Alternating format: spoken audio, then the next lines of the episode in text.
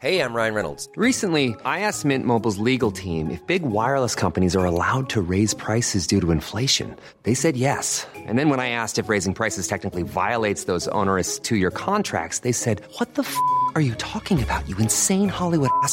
F- So to recap, we're cutting the price of Mint Unlimited from $30 a month to just $15 a month. Give it a try at mintmobile.com slash switch. $45 upfront for three months plus taxes and fees. Promo rate for new customers for limited time. Unlimited more than 40 gigabytes per month. Slows. Full terms at mintmobile.com.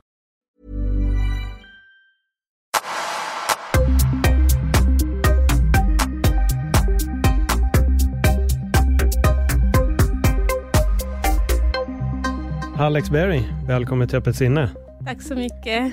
Eh, ja, var börjar vi här egentligen? Det, det är ett litet annat scenario i poddstudion idag, för du är här med din lilla dotter som är hur många månader? En månad, väldigt en nyfödd. månad gammal. ja. Och hon får redan vara med och göra podd. Eller hur?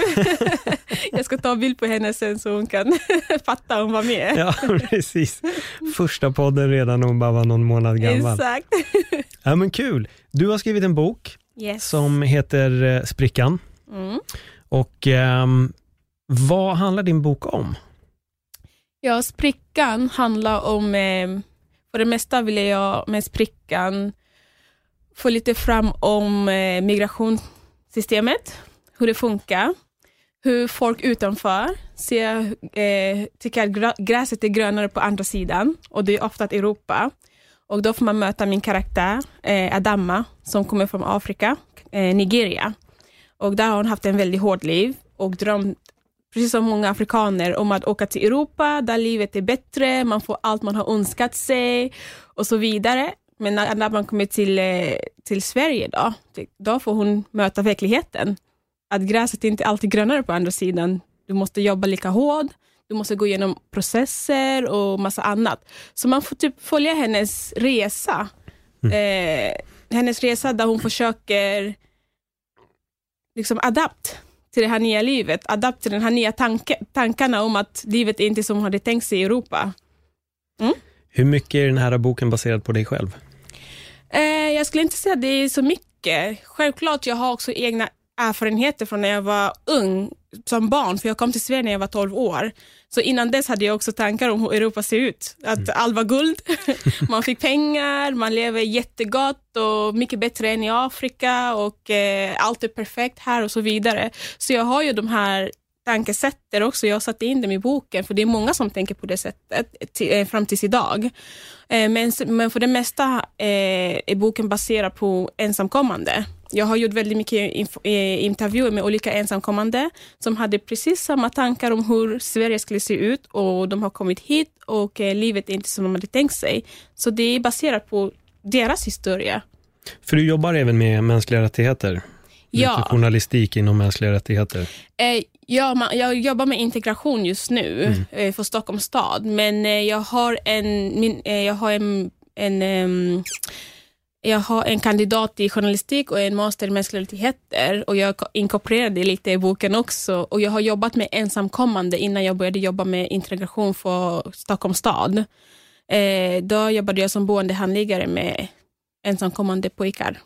Vad var det som fick dig att välja den riktningen, att jobba med just det? Eh, det där var min första jobb. Eh, jag hade skrivit om det som min eh, masteruppsats och jag var nyfiken i den yrke. Jag ville se hur det funkar egentligen, vara där i action, för det är någonting annat att skriva i teori och vara där i praktiken. Så jag var nyfiken. Mm. Jag, tän- jag tänker lite på din, på din egen resa. Du sa att du kom hit när du var 12. Mm. Ehm, det kan ju vara en väldigt enkel resa och det kanske ibland också är en väldigt svår. Hur, hur enkel eller svår var den för dig? För jag vet ju faktiskt inte hur, hur din egen resa hit var. Det var väldigt det var svårt för mig. Eh, det var både svårt och enkelt. Det var enkelt på det sättet att min pappa var redan i Sverige när jag kom, så jag hade det lite enklare. Jag hade någon som tog emot mig när jag kom hit, till skillnad från eh, de ensamkommande som jag har intervjuat, eller till skillnad från min karaktär Adama som kom till Sverige och var helt ensam. Jag hade min pappa som tog emot mig, men innan jag kom till Sverige hade jag en väldigt svår resa, där jag eh, flyttade från en familjemedlem till en annan. Det var ingen som kunde ta hand om mig och jag hamnade alltid i en svår situation där personerna jag hamnade om hos behandlade inte mig så bra. Nej. Mm, så det var en dröm att komma till Sverige. Och, när du säger det här dröm, För du sa precis att drömmen var ju att allting är guld. Mm. Allting är eh, perfekt i Sverige. Mm. Vad, vad var den perfekta bilden av Sverige för dig innan du kom hit? Den perfekta bilden för mig var att det skulle vara man behöver typ inte göra någonting, man är här, allt kommer enkelt, man får pengar, man behöver inte jobba hårt, man behöver inte studera hårt. Du vet att livet är bara en avslappning. Eh, till skillnad från Kamerun där man behövde vakna klockan fyra på morgonen och, och diska och, och städa huset och mata grisen och massa annat innan man ens kan klä på sig och gå till skolan en timme. Liksom, det, var, det är skillnad. Så det är typ jag tänkte att man släpper den där och kommer till något helt annat, något helt nytt, där man behöver inte kriga. Vem var det som, som eh, gav dig den här bilden av eh, Europa? Filmer. Filmer? Vilka filmer då? Det var alltid så här, i Kamerun man hade en kanal när jag var ung. Och Det var alltid så här amerikanska serier och det var på franska. Du vet, jag kommer Mm, från ett fransk engelsktalande land, men jag, vi som förstod inte eh, franska, vi fick typ utgå från det vi ser, bilder. Och eh, alltid på serier, allas ve- vecka har alltså kul. Vi, vi kallar eh, Europa för vitemansland. Vitemansland var så enkelt, man hade sina drama i serierna, men allting brukar alltid lösa sig. Fanns, du vet, när man kollar på serier, det fanns så här massa frukost på bordet med frukter och, och choklad och massa annat. Man ville alltid ha den där, åh, tänk om jag skulle vakna en dag och bara ha frukost på bordet. Och sen när de äter frukosten, de tar en bröd och springer iväg. Jag blir så här, åh gud, jag skulle aldrig bara äta en bröd, jag skulle äta allt som finns på bordet och så vidare. Så det var den drömmen. Det var filmer som fick det. Och sen också folk som åker till Europa, tyvärr när de kommer hem till, till Afrika, de ger fel bild mm till exempel våra pengar i, i Kamerun är svagare än svenska pengar. Om man skulle ta 10 000 och växla den och åka till Kamerun, då har man massa pengar att bara kasta och, och flasha med. Och så tänkte någon som kommer från Europa, växla 10 000 och flasha, det är klart att jag tror att Europa är livet. Hur kan han ha så mycket pengar? Och så vidare. Så folk som kommer härifrån och åker hem, de ger också fel bild. Ja, Det kan jag tänka mig. Jag, jag blev bara lite nyfiken här. Vad åt du till frukost eh, hemma i Kamerun? Ingen frukost. Ingen frukost? ja, det fanns ingen mat. Nej. Mm. Och där jag, personen jag bodde med, de, de gav mig inte mat. Nej. Ja. Ibland är man glad om man fick mat. När fick du mat? Hur ofta fick du mat? Inte så ofta, Nej. när hon var glad. De dagarna hon, hon var på bra humör, då fick jag mat. De dag, och det var väldigt få dagar. Då förstår jag verkligen varför du eh, drömde dig bort till Europa när någon kunde ta en brödbit och bara springa iväg och lämna frukosten. Mhm. Mat är viktigt. Det är väldigt viktigt, speciellt när man är ung och måste gå en timme till skolan Mm. i solen, liksom, där det är jättevarmt och man har gjort massa annat innan man ens ska förbereda sig för att gå till skolan. Mm. Hur levde du i, Kamerun? För du, jag, jag förstod att du hade flyttat från, eh, var det släktingar eller? Mm. Eh, på grund av att min mamma, hon var en väldigt underbar mamma, men hon var så ung. Hon fick mig när hon var 15 och hon kunde inte ta hand om mig. Då hamnade jag hos min faste och eh, ja, där hamnade jag i sex år och hon var, ja, man ska inte tala illa om folk, men djävulens kusin. Mm. Så brukar jag beskriva henne. Hur länge bodde du där? Sex år. Sex år. Från att du var, hur gammal var du? nu? Sex år gammal tills jag var 12 och kom till Sverige. Så de första sex åren fick du bo med din mamma eller? Ja, exakt. Mm. Och hon gjorde verkligen sin bästa. Vad var det som gjorde att du inte fick stanna kvar? Ehm, ja, det var, hon var ung. Mm. Det var, hon försökte verkligen överleva. Så tänk dig en väldigt ung person som försöker överleva med en sexåring. Det går inte alltid. Och jag klandrar inte henne, för att Nej. de sex år jag var med henne, jag saknade inte så mycket, utan hon gav mig så gott hon kunde. När hon inte klarade längre så hamnade jag där jag hamnade. Har du kontakt med din mamma idag? Ja, ja, min mamma är min bästa kompis. Mm. Som sagt, hon var en väldigt bra mamma. Är hon kvar i Kamerun? Ja, ja, hon är kvar där. Hon är gift och har, jag har två bröder där. Mm. Som jag tar hand om. Vad säger hon om dig idag? Hon Jag är så tänkte- stolt. Mm. Min mamma är så stolt. Hon är min number one fan. Hon är verkligen det. Och det roliga är att min mamma och jag, vi har nästan så här kompisrelation, för hon är, så, hon är fan väldigt ung. Vi har så här kompisrelation och jag kan berätta allt för henne. Hon är så, ibland förstår hon inte så mycket, Men hon är ändå stolt. Jag, jag tänkte, ehm, för du, du sa att du bodde hos din faster i sex år, eller var det under den tiden som du blev runtflyttad också? Nej, sex år. Eh, och sen sista månaden flyttade jag till någon annan innan jag kom till Sverige. Vad var det som gjorde att, ni, att planen helt plötsligt blev, blev Sverige? En pappa bodde här och det var i min kultur, när ett barn, eh, hur säger man, lyssnar inte. Det är ju vanligt att man kan slå barnen, eller inte, jag tycker inte det är rätt, men det är vanligt att man kan slå barnen för att disciplinera barnen. Och jag tror när pappa hörde hur farligt jag hade det, han trodde kanske att jag var bara envis och de disciplinerade mig, men sen började han förstå att det var inte det, utan jag var i en väldigt dålig situation där jag kunde dö om de inte tar mig därifrån. För det har hänt att jag har blivit slagen så mycket att jag är medvetslös liksom, av den här personen. Så min mamma klarade inte av det längre. Då berättade hon för honom att antingen gör du någonting eller så hämtar jag henne och, och kriga istället. Och då förstod pappa att det var verkligen eh, det var farligt. Det var inte bara en envis barn som håller på att läxas upp. Liksom. Då bestämde han sig för att börja arbeta för att jag ska komma och träffa honom och vara med honom i Sverige. Fanns det fler barn hos din faster eller var det bara du? Eh, hennes barn var där och eh, de älskade hon. de älskade hon. Eh, och sen det var bara jag, men sista året så kom en annan kusin som, eh, från byn. Och jag vet att det här låter väldigt illa, men det var så skönt att ha någon att dela lidandet med när hon kom. Din kusin fick också en massa stryk. Ja, oh, vi, men det blev mindre stryk för mig för vi delade 50-50. Så det hade vi gemensamt. Så hon lämnade jag där tyvärr. Jag vet inte vad som har hänt med henne. Jag hörde aldrig från dem igen. Men jag hoppas att hon mår bra. Men hennes barn hände ingenting med. Nej, hennes barn älskade hon. Men ja, alltså det här är ju, men nu är jag uppväxt här och det är en, eh, det är en tuff nöt att eh, ta in. Jag fattar ju att det här pågår i allra högsta grad även i det här landet. Ehm, men ehm, jag tänker lite bara på jag tror du får förklara liksom nivån av det du råkade ut för, med tanke på att du säger att du blev både medvetslös. Vad var det som... Eh, det var det roliga, eh, eller inte roligt, det som var hemskt var att hon kunde vara arg. Det var, tänk dig att vara konstant i en plats där du måste alltid vara för, väldigt försiktigt när den här personen är omkring dig. Du måste andas inte för högt. Le inte för, för bred. Alltså, allt du måste göra måste vara väldigt försiktig med. Annars kan hon bara bli arg och, och slå dig. Och eh, Det här med medvetslösheten, det är så dumt om jag förklarar vad som hände. Jag vaknade på morgonen och skulle göra mina vanliga sysslor. Liksom diska, fixa när jag åker till skolan.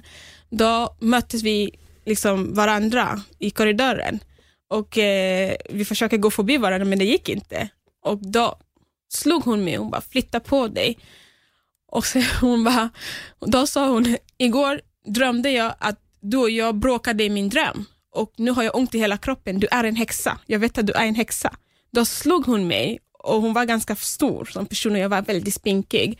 Och då slog jag mitt huvud, eh, jag, vet, jag tror det var en sten eller någon, någon kastrull, såna tunga kastruller. Och jag vet inte vad som hände sen. Jag vet bara att jag vaknade senare och min kusin då hade väckt mig. Hon bara försvann, hon bara lät mig där. Liksom ligga där. Mm. Då ser jag helt förskräckt ut. Ja, nej men alltså det... jag lyssnar ju. Jag, jag hör dig och det, är- det är hemskt. Det, det är verkligen hemskt. Det är, jag, jag har ju förstått att det har varit en barndom präglad av otroligt mycket misshandel Mm, eh, utav, din, eh, utav din faster. Mm, Och eh, jag förstår ju det här med att din mamma också ville få dig därifrån. mm. Men försökte fasten hålla kvar dig där? Verkligen. Vi var som hennes slavar. Liksom. Hon hade farm där hon behövde folk som skulle jobba där och det var vi som fick jobba där. Så varje gång till exempel när det är lov och mamma ville hämta mig, då var det bråk. Ja, men du ska inte hämta henne nu, jag behöver folk att jobba på farmen. Och det roliga är att alla hennes barn var äldre än oss och de kunde lika gärna göra det. De var pojkar också, de kunde lika gärna ha gjort det. Men det var vi hon behövde. Så hon försökte hålla fast oss för den anledningen. Att vi ska vara hennes liksom, egna personliga servants. Så ja, och min mamma var också, hon var ung och som sagt, eh, vi, vi ser vitemansland, Europa, som, Europa och Amerika som liksom den heliga landet. Så allt pappa sa till henne så lyssnade hon. istället för att lyssna på vad jag hade att säga. Men till slut när min kusin började berätta vad som hade hänt, då började hon förstå att okej, okay, nej, jag kan inte lyssna på din pappa längre, vare sig han är i vitemansland eller inte. Jag måste ta det därifrån. Hur länge hade han varit här? Jag tror lika länge som jag var hos, hos henne. Mm. Fanns det någon man i bilden hos fasten eller var det bara hon och barnen? Nej, hennes man var där, okay. men han var jättesnäll. Mm. Eh, han var jättesnäll, men han var knappt hemma. Han, han jobbade med någon, jag vet inte, jag har glömt vad han jobbade med, men han var knappt hemma. Men när han var hemma så tyckte han inte om att hon slog oss. Då brukar han säga emot. Men då, när han försvinner, då blir det bara värre. Så vi ville helst inte att han skulle säga emot åt oss. Mm. ja, men han var snäll. Vad tror du det är som gjorde att hon tog ut allt det här på er? På dig och din kusin? Jag vet inte, men vissa människor är tyvärr sådär. Det är något som präglar väldigt mycket i, de, i, i, våra länder faktiskt. Att oftast när ett barn som inte är ditt kommer hem till dig och bor hos dig, att man behandlar det här barnet illa. Det är, väldigt of, det är mer vanligare än man tror. Mm. Det, häromdagen läste jag om, om en kvinna som hade en ung pojke, kanske tio år. Hon hade slagit honom så mycket att om du såg hans kropp, det var alltså värre än vad jag gick igenom. Det var sår över hela hans kropp. Och det var för det var inte hans barn. Det, barnen hade lagat mat för sent, mm. säger hon. Så det är något som är väldigt vanligt hos oss tyvärr, att den här elaka stepmother, liksom the wicked stepmother scenarion, det lever väldigt mycket inom oss i våra afrikanska länder tyvärr. Är det vanligare att det är kvinnan som, som gör det här? Än ja, det är väldigt vanligt att det är kvinnan som gör det. Mm. Oftast när männen är involverade, det är oftast att de, det är våldtäkt då. Som mm. När mannen gör någonting, det är oftast att de ligger med flickorna. Eh, och sen flickan vågar inte säga till kvinnan, för kvinnan kommer skilja på henne istället. Men när det gäller kvinnor, det är de som ofta slås liksom, mm. och behandlar illa.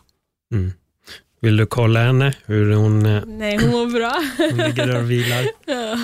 ja. Um,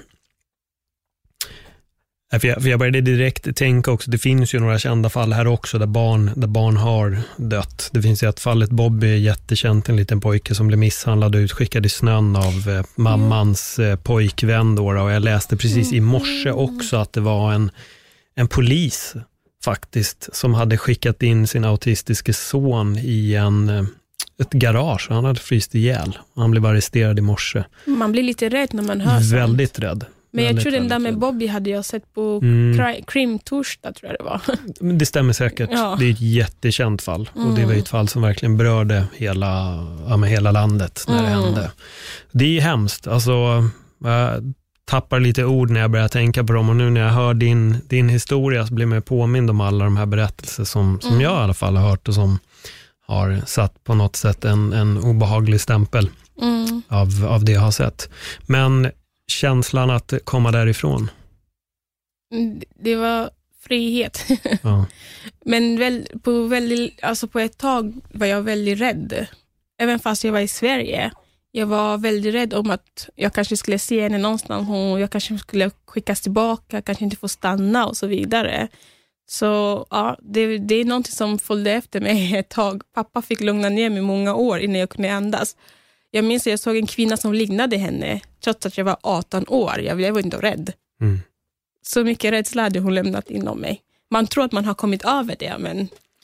Det kallas posttraumatisk stress. Ja, man tror att man har kommit mm. över det om man är stark, men jag var 18 år och såg en kvinna som liknade henne och jag sprang in i min lägenhet och ringde pappa. Mm. Då sa han, men jag är nästan säkert inte hon. Det, kommer, det är okej. Okay. Hur mycket drömde du om det här när du kom till Sverige? Väldigt mycket. Eh, jag försökte, jag, jag pratade väldigt mycket om det med pappa. Eh, men ja, väldigt mycket faktiskt. Mm. Vad sa han? Eh, han var pappa är väldigt ledsen. Han visste inte att det var till, i den, till den utsträckningen. Så jag tror fram tills idag har han väldigt stor ångest. Men också jag kan inte skilja på honom. Han ville bara det bästa för mig. Den staden där mamma bodde också var inte den bästa heller. Det var mycket kidnapping och våldtäkter och massa annat. Jag tror han ville bara få bort mig därifrån också. När han föreslog att jag skulle bo hos min faste. Mm. Så jag skiljer inte på några av mina föräldrar. De ville den bästa. Den bara, jag bara hamnade fel. Mm. Hos fel person. Uppenbarligen. Mm. Så gjorde du verkligen det. När du lyfte lite hur, hur staden är, så kan vi gärna gå in lite på det, för nu blir jag lite nyfiken. Hur, hur var staden där du eh, bodde i Kamerun? Eh, innan jag flyttade till min faste, Ja. då bodde vi i en stad som heter Motengene. Om du frågar någon från Kamerun, då, om du du är från Motengene, de backar lite. Det är en väldigt farlig stad. Mm. Det är mycket, det, hand- mycket handlar om överlevnad till varje pris. Mm. Så kort kan jag beskriva det. Okej. Den andra staden som du flyttade till? Lite mindre, eh, mer rikare människor. Och eh, ja, så det var mm, också min, mer natur. Liksom, jag, Motängen är stad, stad. Och sen kommer man till Boja där det är mer natur och lite mer reserverat och så. Hur bodde ni i, på där hos din faster? Hon bodde fint för att hennes man jobbade för eh, government, så hon bodde, de bodde ganska fint. Mm. Ja, jag ska bara ta det. Gör det. Hej baby.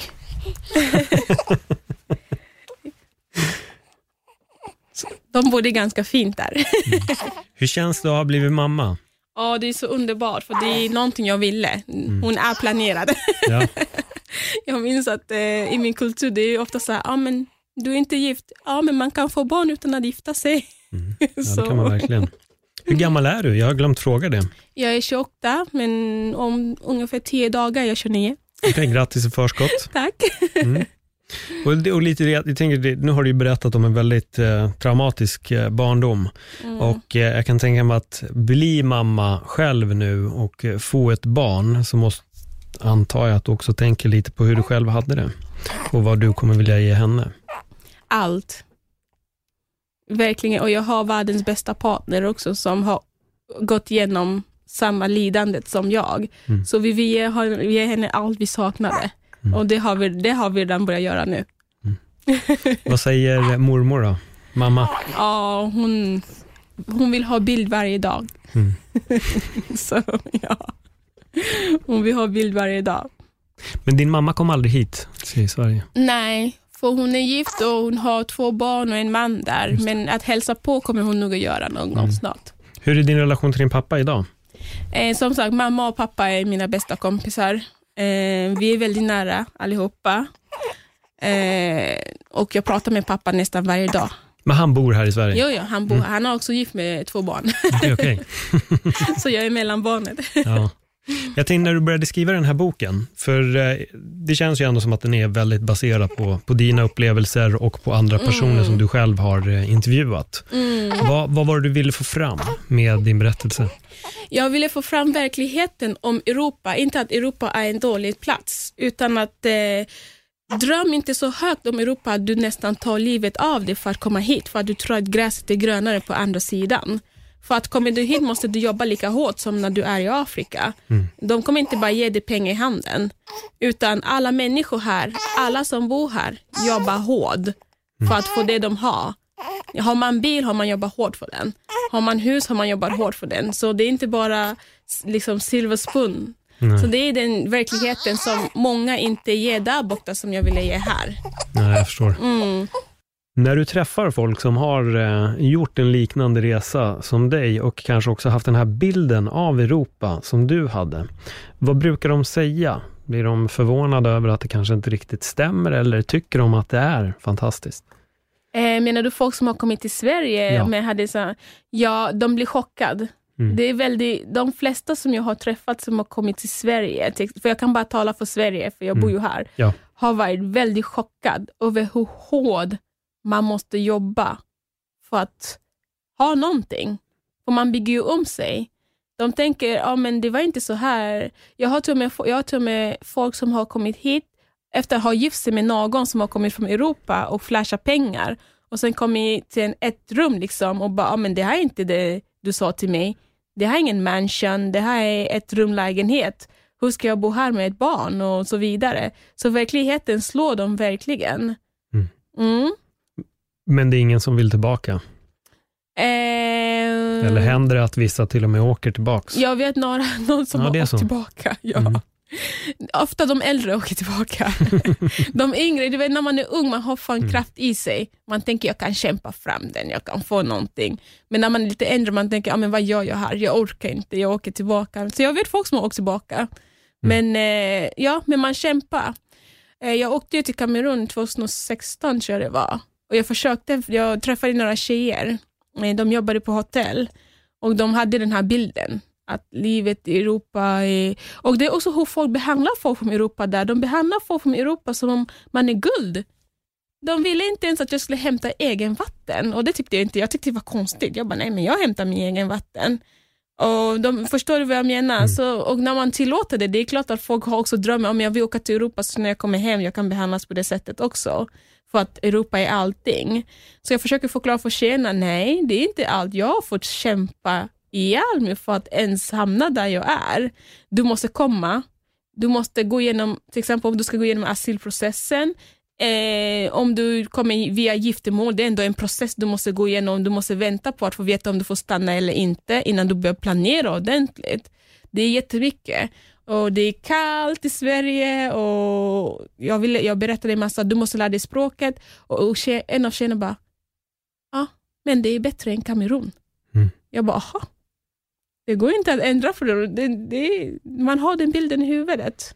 Fast allting är väl en liten fråga också om var kanske i Kamerun man kommer ifrån, precis som du berättade. Vad hette det första stället där folk, wow? Motengene. Motengene.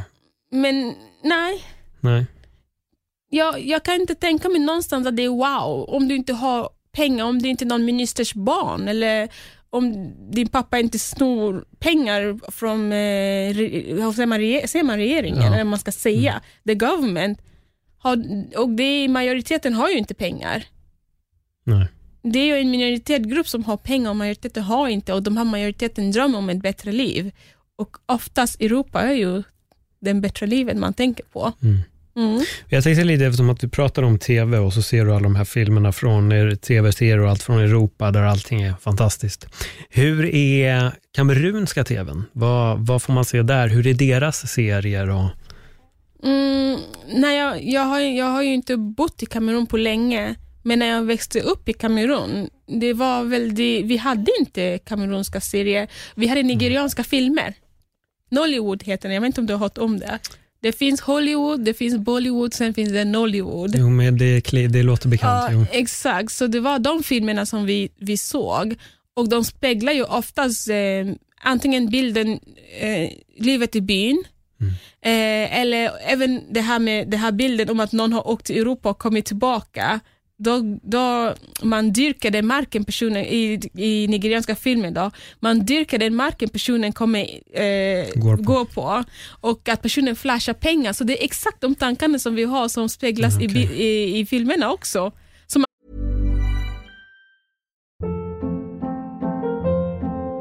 Hold up. What was that? Boring. No flavor. That was as bad as those leftovers you ate all week. Kiki Palmer here, and it's time to say hello to something fresh and guilt-free. Hello Fresh. Jazz up dinner with pecan-crusted chicken or garlic butter shrimp scampi. Now that's music to my mouth. Hello Fresh. Let's get this dinner party started. Discover all the delicious possibilities at hellofresh.com.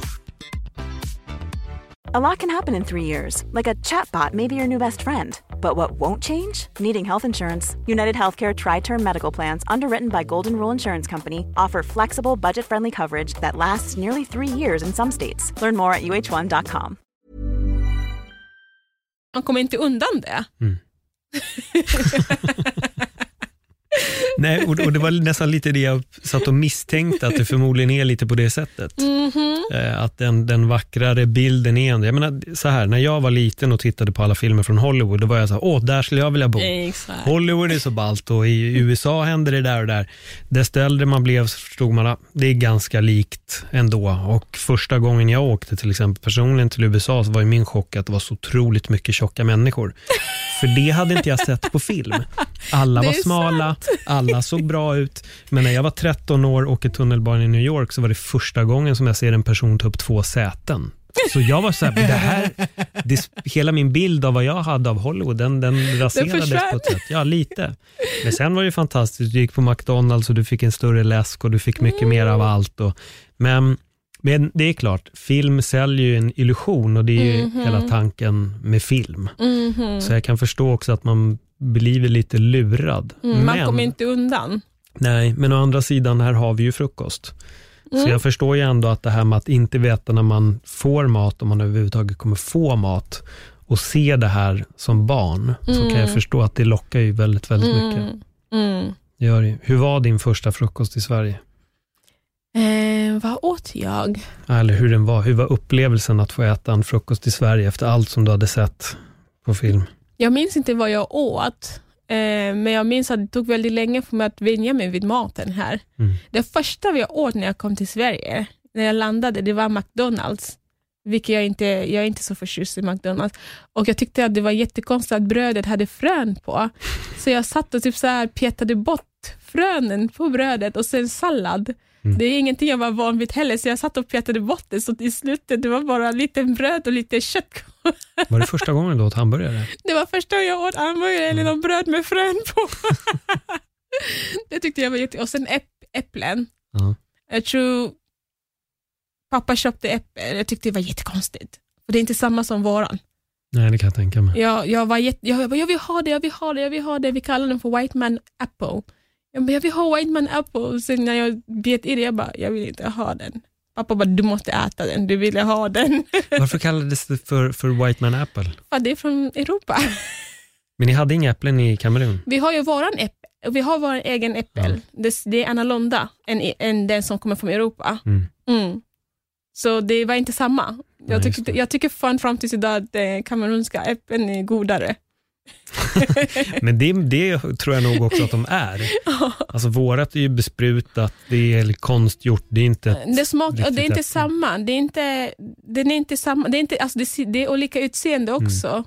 Så det är, Va, vad mer för White Man-rätter fanns det som du var nyfiken på? jag, jag var inte nyfiken på så mycket. Och jag minns när jag var i skolan och de, de serverade blodpudding, något som jag skrev in i, bod, i boken. Faktiskt. Jag bara, aldrig i livet. Aldrig i livet. Jag bara, det är gris, du sa det är grisblod, jag vill inte ha den. Men alla barn åt det och de tyckte det var jättegott. Ja, jag tyckte också det var jättegott när jag var liten.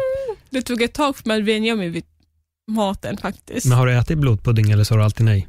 Jag säger alltid nej. Den där är något som jag inte kommer att göra. Ja, Det är ju sött. Finns det är gränser. Är, Men mina småsyskon som är födda här, de tycker De väldigt mycket om den. Och jag tror Naturi kommer också tycka om den säkert. kanske. Är inte, inte helt omöjligt. Mm. Vilka rätter, eh, var det någonting som du tyckte var extra gott när du väl kom hit? Hmm. Jag minns att jag åt korvstroganoff. Mm. Jag tyckte den var jättegott med ris. Mm. Och den ville jag ha hela tiden. Så den rätten tyckte jag var god. och sen vad mer? Nej, det var typ, det var korv, det var den, och sen pizza tyckte jag var jättegott. För den Ja. hade jag aldrig ätit förut. Jag älskar pizza. Jag älskar äter för pizza. mycket pizza. Mm, jag älskar pizza. Hemmagjord gör jag nu. Ja. jag blir gammal. Med lite White Man Apple på. Eller ja, men det var, det var det. Men jag minns inte vad jag hade till frukost, men jag minns däremot att det fanns alltid frukost Mm. i kylskåpet. Men det måste ju ha varit, hur, det måste ju ha en helt otrolig upplevelse att komma ifrån det här då, återigen med att inte få, få mat, inte veta när man kan äta mat och så helt plötsligt så, det finns ett kylskåp, det finns alltid mat. Mm. Ja, det var... Jag vet, inte, det kän, jag vet inte hur jag ska beskriva känslan, men jag kan säga så här. Jag minns att varje gång jag fick mat så åt jag väldigt snabb. Som om någon skulle ta den från mig. Mm. Så det var en bra känsla att till slut veta att ah, men ingen kommer ta maten från dig. Det är din, det är din egen tallrik och du får äta lika mycket du vill. Ja. ja. Jag försöker på något sätt sätta mig in i situationen och jag inser hur bortskämd jag har varit som alltid har kunnat haft mat. Jag inser hur bortskämd jag har varit som har kunnat säga nej till saker som jag inte har tyckt om. Bara för att det finns någonting som är mycket godare. Eh, för det, det är ju en... Alltså man,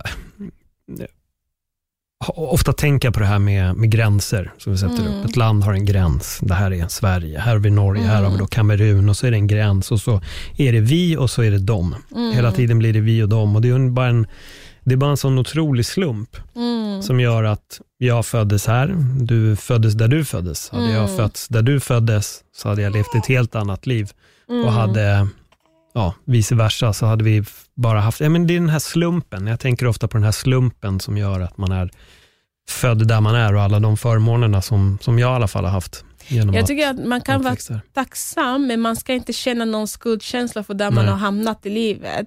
Jag tycker det är kul att till exempel naturen ska kunna välja att ja, men jag vill inte ha det brödet för att jag tycker den andra är godare. Mm. Det är inte att man är bortskämd, alltså man, man, har, man, har, man är där man är, man ska njuta av det. Det är inte ditt fel att, eller mitt fel att eh, de i Kamerun inte har. Förstår du vad jag menar? Ja, det är. Så jag tycker att man ska vara tacksam, man, man är Mm. där man är och njut av det. Mm. Som jag njuter nu. Ja, nej, och det är ju superskönt. Nu, nu kan du ju göra det. Mm. Nu kan du ju verkligen göra det. Hur ofta åker du till Kamerun eller var det första gången där 2016? Det var första gången och eh, tanken var att vi skulle åka igen, det är väldigt osäkert där nu. Mm. Det är, jag skulle inte kalla det inbördeskrig, men det är en em, dålig situation mellan fransktalande och engelsktalande. Mm. Så det, det, det är inte tryggt att åka hem nu. Vad, vad beror det på? Jag vet nämligen inte, det är därför jag frågar. Mm, min, min, min sambo är expert på det här. Okej. Men eh, det beror på att de fransktalande har alltid haft eh, övertag. Vår president är fransk och sen vi har liksom relation med Frankrike och så vidare. Men de engelsktalande, det är lite mindre, de är min- minoriteten Mm. och de har tröttnat lite på den positionen och de vill ha mer rättigheter. Till exempel på vissa platser, om du inte kan, om du inte kan engelska, då är det okej, du får jobb. Men kan du inte franska och kan engelska, då får du ingen jobb. Du måste lära dig franska för att kunna få jobb. Så den där är bara ett exempel på varför det är som det är nu. Mm. Hur, många språk pratas det i Kamerun? Vi har tre officiella språk som är engelska, franska och eh, krio, pidgin english. Man kallar den för broken english. Och sen har vi stamspråk där det är olika stammar och jag tror i Kamerun har vi ungefär 280 stammar och man förstår inte varandra Nej. utan din stam förstår inte min stam. Till exempel min man kommer från en annan stam, vi förstår inte varandra om vi skulle tala varandra, språket. Mm. Så. Hur många invånare finns i i Kamerun? Ganska Jag mycket tror vi är 23 miljoner. 23 miljoner. Mm, sist jag tittade i alla fall, för någon år sedan var det väl 23 miljoner Mm. personer. Hur, hur kändes det att komma dit efter alla år? Det var så skönt, jag hade saknat maten. Alltså man, man, det finns ju afrikanska butiker här, men det är inte samma sak som att äta på the streets. att köpa mat liksom on the streets. Ja, det var, jag, jag minns att jag, jag visste inte att jag skulle fyllas av så mycket känslor. För när jag, när jag hoppade av flyget, det var så varmt. och Jag, jag blev slagen av värsta värme. Och det var typ så här, jag är hemma. Och Det var så skönt och sen verkligheten slog mig när vi stod vid, ehm, på kön och skulle in i landet. Då var det en jättelång kö och vi var i Douala, där, där talar de franska och de bryr sig inte om att tala engelska vare sig du kan franska eller inte. Och Vi stod och väntade och väntade och väntade och de här människorna som ska kolla på, vad kontrollanter, som ska kolla på passet, de, de, ehm, de stod där, de gör egentligen ingenting. De vill bara visa makt. De bara stod där. Och vi väntade och väntade och jag ville bara in. Jag ville bara in, jag ville komma in i Kamerun. Liksom. Jag, jag ville bara in. Och sen det här eh, ministern, eller vad man ska kalla den, han kom. Och de bara, alla flytta på er, ministern kommer. De annonserade hans namn. Ministern kommer, flytta på er. Da, da, da. Och han bara gick igenom, ingen passkontroll, ingenting. Han och sin entourage. Jag bara, aha, jag är, jag är hemma. Okej, så här är det. och sen det tog ett tag innan vi ens lämnade den platsen. Hur länge var det där? Jag tror vi stod där i 45 minuter, en timme. Och det var ändå ingen lång kö. Och det var en man som stod och, och klagade. Han bara, these people, da, da, da, da. Och jag vände mig och bara, snälla prata inte med mig. Jag vill inte att de ska höra dig snacka skit och skicka tillbaka mig till Sverige. Man måste veta, veta sin position när man är där. Jag visste att jag har ingen matt där jag stod, så jag kan inte ens klaga. Du vet, I Sverige det är typ så här, minister eller president står det i kö, som alla andra. Men där borta, det är jag är nobody, money speaks. Liksom. Money och um, rank, det är det som talar där. Det spelar ingen roll att du hade ett white man passport, för jag antar att du har ett svensk pass. Ja, jag har en svensk pass. Eh, jag tror just där spelar det ingen roll. Just i den kön spelar det ingen roll, men när man är inne i landet kanske det spelar mer roll. Mm. Mm. Hur ser de på hudfärg där? Jag tänker bara, det känns ju som att på något sätt, eftersom att du säger den här dyrkandet utav the white man, skulle du säga att en vit man i kön har en större förmån eller är det bara nej, nej, nej, det är ministern och alla andra är... Jag tror det har minskat. När jag var yngre det var väldigt så här, det, färgen white man is the glory, wow, celebrate. Liksom. Men det är kanske för att man inte såg dem så mycket där. Mm. Och nu det är ju jättemånga där som bor där, som är där på semester. Så det har blivit en vanlig grej nu. Men när jag var yngre, det var färg spelade väldigt stor roll. Mm. Mm. Är du vit får du mm, liksom gå före eller mer respekt. Nu var ju du väldigt ung när du var där såklart, men eh, har det skett en stor förändring på de här åren? Rent politiskt, lite hur livet är, eller är det likadant? Jag tycker det, det finns säkert skillnad, men när jag var där, jag såg inte så... När det gäller det här vi pratar om Europa till exempel, jag såg ingen stor skillnad. Folk har fan den drömmen. Folk tycker fan att eh, det är det bästa som finns att komma till Europa. Det är, det är slutmålet för väldigt många. Eh, när det gäller politiken, ja det är fan pengar och de som sitter högst upp som, som spelar största roll där. Det är de som kommer först. Eh, och sen den lilla människan har ju inte så mycket att säga om det. Så på många sätt, jag tror det är fan samma. Mm. Faktiskt. Det enda som, hade, som jag såg som var stor skillnad, där de, de har byggt tätare. Liksom. Alla natur, där, jag åkte ju till Boja, där fanns ingen natur kvar. Där, så det är fan samma som när jag var yngre faktiskt. Men, för, men förutom att nu är det mer, man ser mer, det är vanligare att se vita människor nu i Kamerun än när jag var yngre. Jag, såg, jag kan räkna hur många jag såg när jag kom till Sverige. Även på flygplatsen. Ja. Mm. Var du någonsin rädd för att springa på din faster när du var i Kamerun? Nej, Nej. nu är jag en vuxen. Det är, mamma har konfronterat henne, pappa har konfronterat henne och pappa var i Kamerun med mig förresten. Mm. Han hade åkt dit också. Så jag kände en viss trygghet och eh, jag brydde mig. Jag har slutat bry mig om, att, om jag träffar henne eller inte. Faktiskt. Vad sa hon när hon blev konfronterad? Vad, vad var svaret? Jag minns faktiskt inte. Jag tror hon sa att ja, men, eh, om man, man vill disciplinera barn och så får man, ah, jag vet inte, det var en nonsens ursäkt hon hade faktiskt. Mm. Vilket pappa också tyckte det var en nonsens ursäkt. Så hon får leva i sin... Skam. sin eller hur? Ja. Mm. Hon har aldrig haft någon, eh, något mål av att flytta, utan hon var nöjd där hon var, eller? Jag tror inte hon var nöjd. Jag tror nu hon, jag, sist jag hörde så var hon i Tyskland med sin son. Mm. Hon hade ju en son i, i, i USA när jag bodde hos henne. Mm. Så hon kanske också hade sina sin, hur säger man, drömmar om att åka till Vitamansland. De flesta har ju den drömmen, Mm. skulle jag säga faktiskt. Om man inte är riktigt gammal. Nej. Ja. Och nu är ju du här och på ett sätt, allting som du någonstans ändå tänkte har ju hänt och Mm. mycket mer. Men med den enda skillnaden att du har inte fått någonting gratis. Du har kämpat för det. Och det är bra tycker Mm. jag. Det är bra. Men eh, jag skulle inte säga att jag har... Jag, hmm. jag har haft möjligheter i Sverige faktiskt, som jag inte skulle ha i Kamerun. Mm. Så vare sig att jag har kämpat eller inte, att möjligheterna fanns gjorde det lättare att kämpa. Mm. Så skulle jag säga. Men du har ändå jobbat. Det, Ja, det, boken ja, har ja, inte ja. skrivit sig själv. Nej. Den har du fått skriva. ja. Har Den har du pluggat fått hårt. kämpa med. Ja.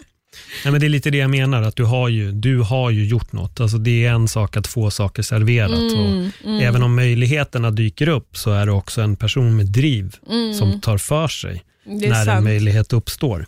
För det är många som sitter och väntar och säger, när kommer möjligheten? Den kanske Mm. kommer imorgon, men den kommer aldrig. Nej, Utan man, man skapar ju också sina möjligheter. det, absolut.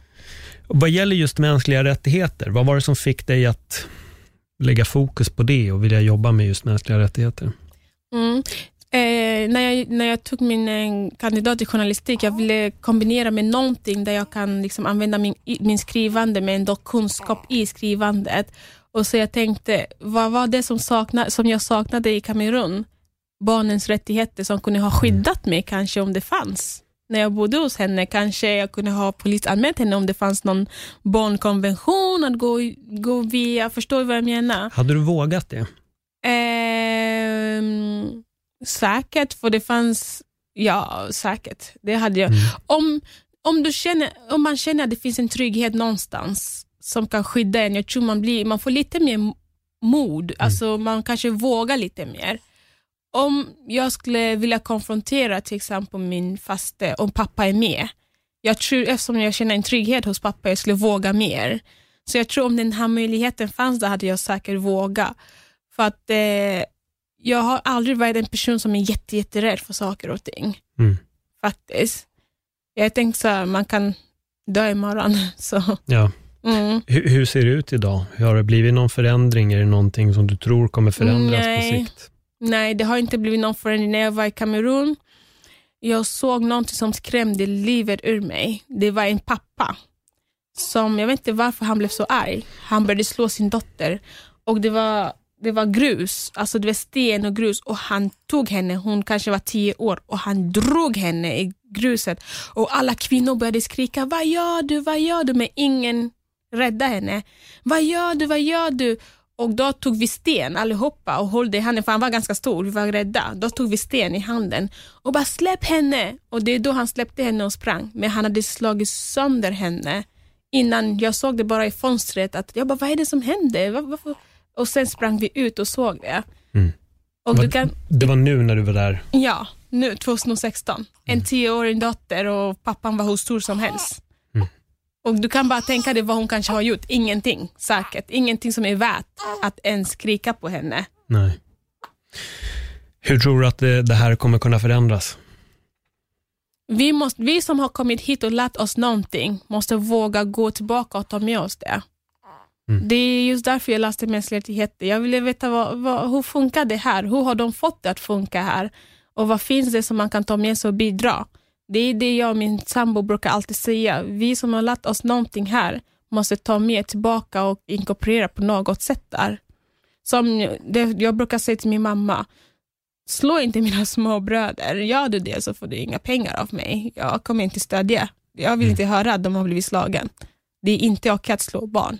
Det är inte okej att slå kvinnor heller, eller slå någon överhuvudtaget med den här gruppen som är sårbar. Det är inte okej att utnyttja makten över dem. Och Det är dels därför jag läste faktiskt mänskliga rättigheter. Jag ville komma in i det. Och Det är något som jag har tagit in också i boken. Vad, vad får du för svar när du berättar för folk om det här? Dina tankar och funderingar i Kamerun alltså. Vad, vad får du för svar? De kallar mig för White Man Pekin. Det Vad sa du, white man? White Man Pekin. Det betyder vite mans barn. Okej. Ehm, Men det roliga, det finns faktiskt folk från vår kultur som är här, som tänker på samma sätt. Förstår du? Jag, först, jag minns att eh, när jag var gravid med Naturi, då frågade jag, i- jag kan inte kalla henne moster, men det är en bekant. Eh, när ska hon döpas? Jag bara, hon ska inte döpas. Det får hon bestämma själv när hon blir äldre. Va? Nej, nej jag fick massa... Jag, jag bara, ja, men hon kommer bestämma själv när hon är äldre. Ja, men du och din vita mans sätt att tänka. ja, men förstår du vad jag menar? Vi- vi- Det, det roliga med det där är att så sa min farmor om mig. Jag är inte döpt heller. Men man får välja själv. Ja, min pappa är, kommer ju från en katoliks, katolsk familj, jag är halvspanjor. Och hon tyckte att jag var en hedning, vi måste döpa honom. Men däremot har han sagt att han bara, Paul, det kan vara så att de har sprungit iväg och döpt dig. Eh, just när de har varit med mig vid något tillfälle. Man bara, vet Det är aldrig." inte omöjligt att de gick dit till kyrkan när de var barnvakt. åt dig." jag bara, ja, okej. Men, men vad han och min mamma vet så är jag inte döpt. Ja, men man vet aldrig, för det var det Nej. som hände mig. Jag tvingdöptes av den här moster. Ja. Och pappa var jättearg för att jag, han, han tyckte att jag skulle ha valt själv vad jag ville Mm. göra och det tyckte jag med. Men jag gjorde det för att hon ville att jag skulle göra det. Men det är kristet där borta va? Det är blandat, Det är men det är en kristet kultur. Mm. Mm. Så Men vad hette hon, Natori? Naturi, ja. Hon kommer, inte bli, hon kommer få välja själv. Hon kommer få Ja, välja ja. själv vad hon vill bli. Om hon bli kristet, muslim, vad hon vill, det får hon, bes- det får hon bestämma. Vi kommer bara lära henne att ha respekt och moral och eh, ha en spirituell, för vi är väldigt så spirituella. Vi, har ingen, vi tillhör ingen religion, men vi tror på den goda och vi tror på Gud. Så det är det vi kommer lära henne, sen får hon välja vad hon vill sen. Hur, hur pass kristen uppfostran fick du? Jag brukar säga att de mest onda människor är ofta de som finns i kyrkan, längst fram i kyrkan.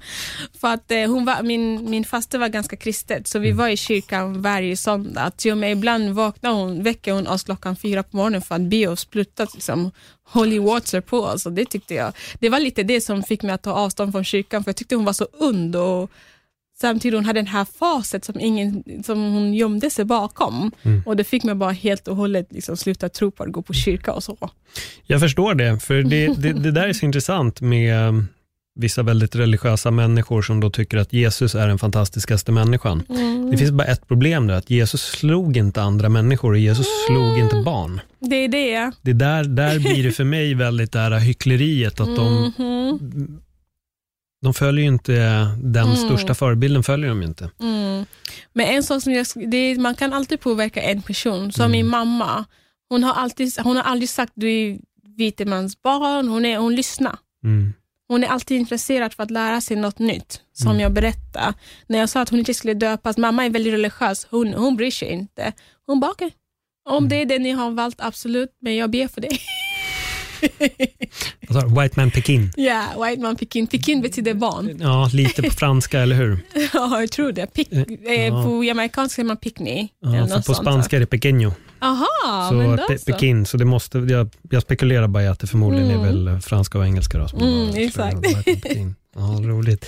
Men jag tänkte nu, när du jobbar med det här med, med mänskliga rättigheter, hur länge har du gjort det?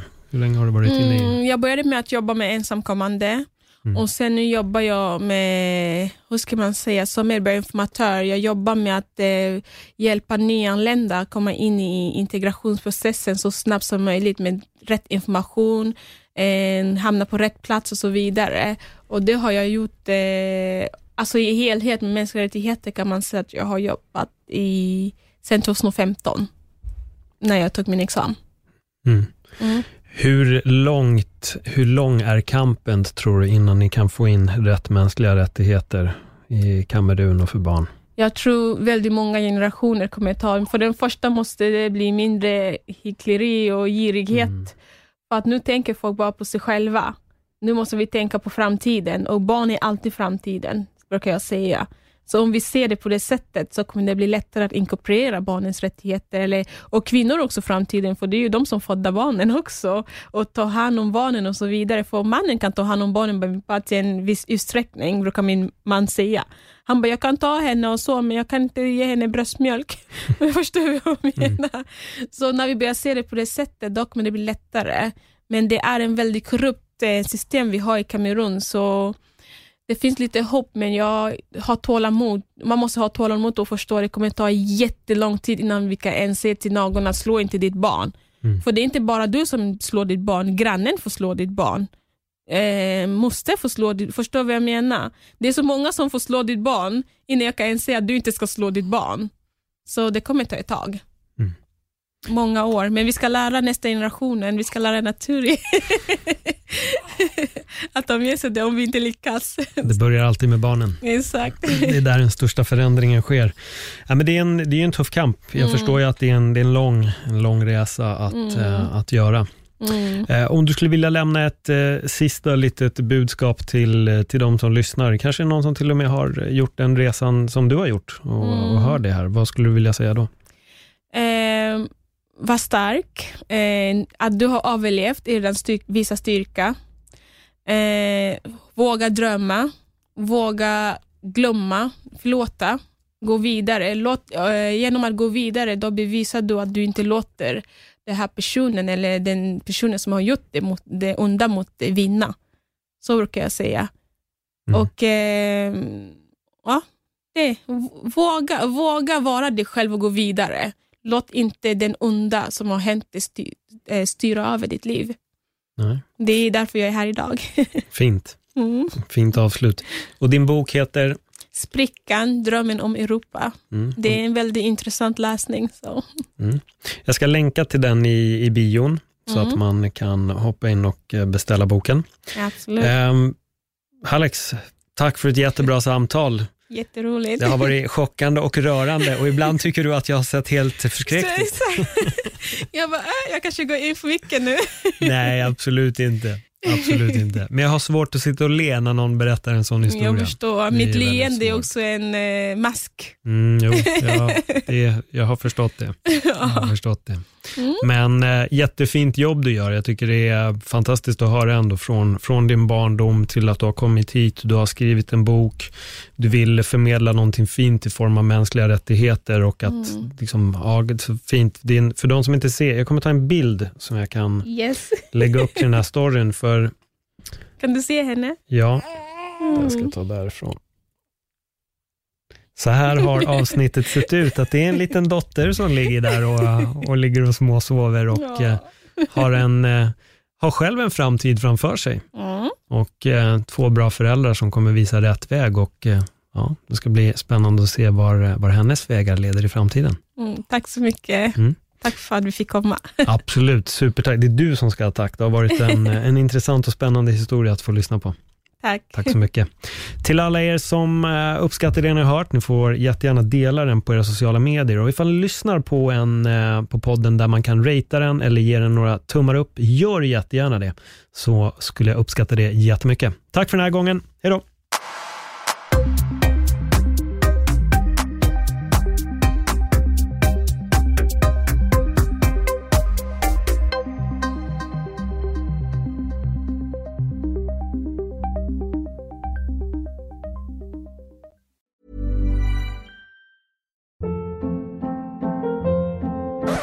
Hold up. What was that? Boring. No flavor. That was as bad as those leftovers you ate all week. Kiki Palmer here, and it's time to say hello to something fresh and guilt-free. Hello Fresh. Jazz up dinner with pecan-crusted chicken or garlic butter shrimp scampi. Now that's music to my mouth. Hello Fresh. Let's get this dinner party started. Discover all the delicious possibilities at hellofresh.com.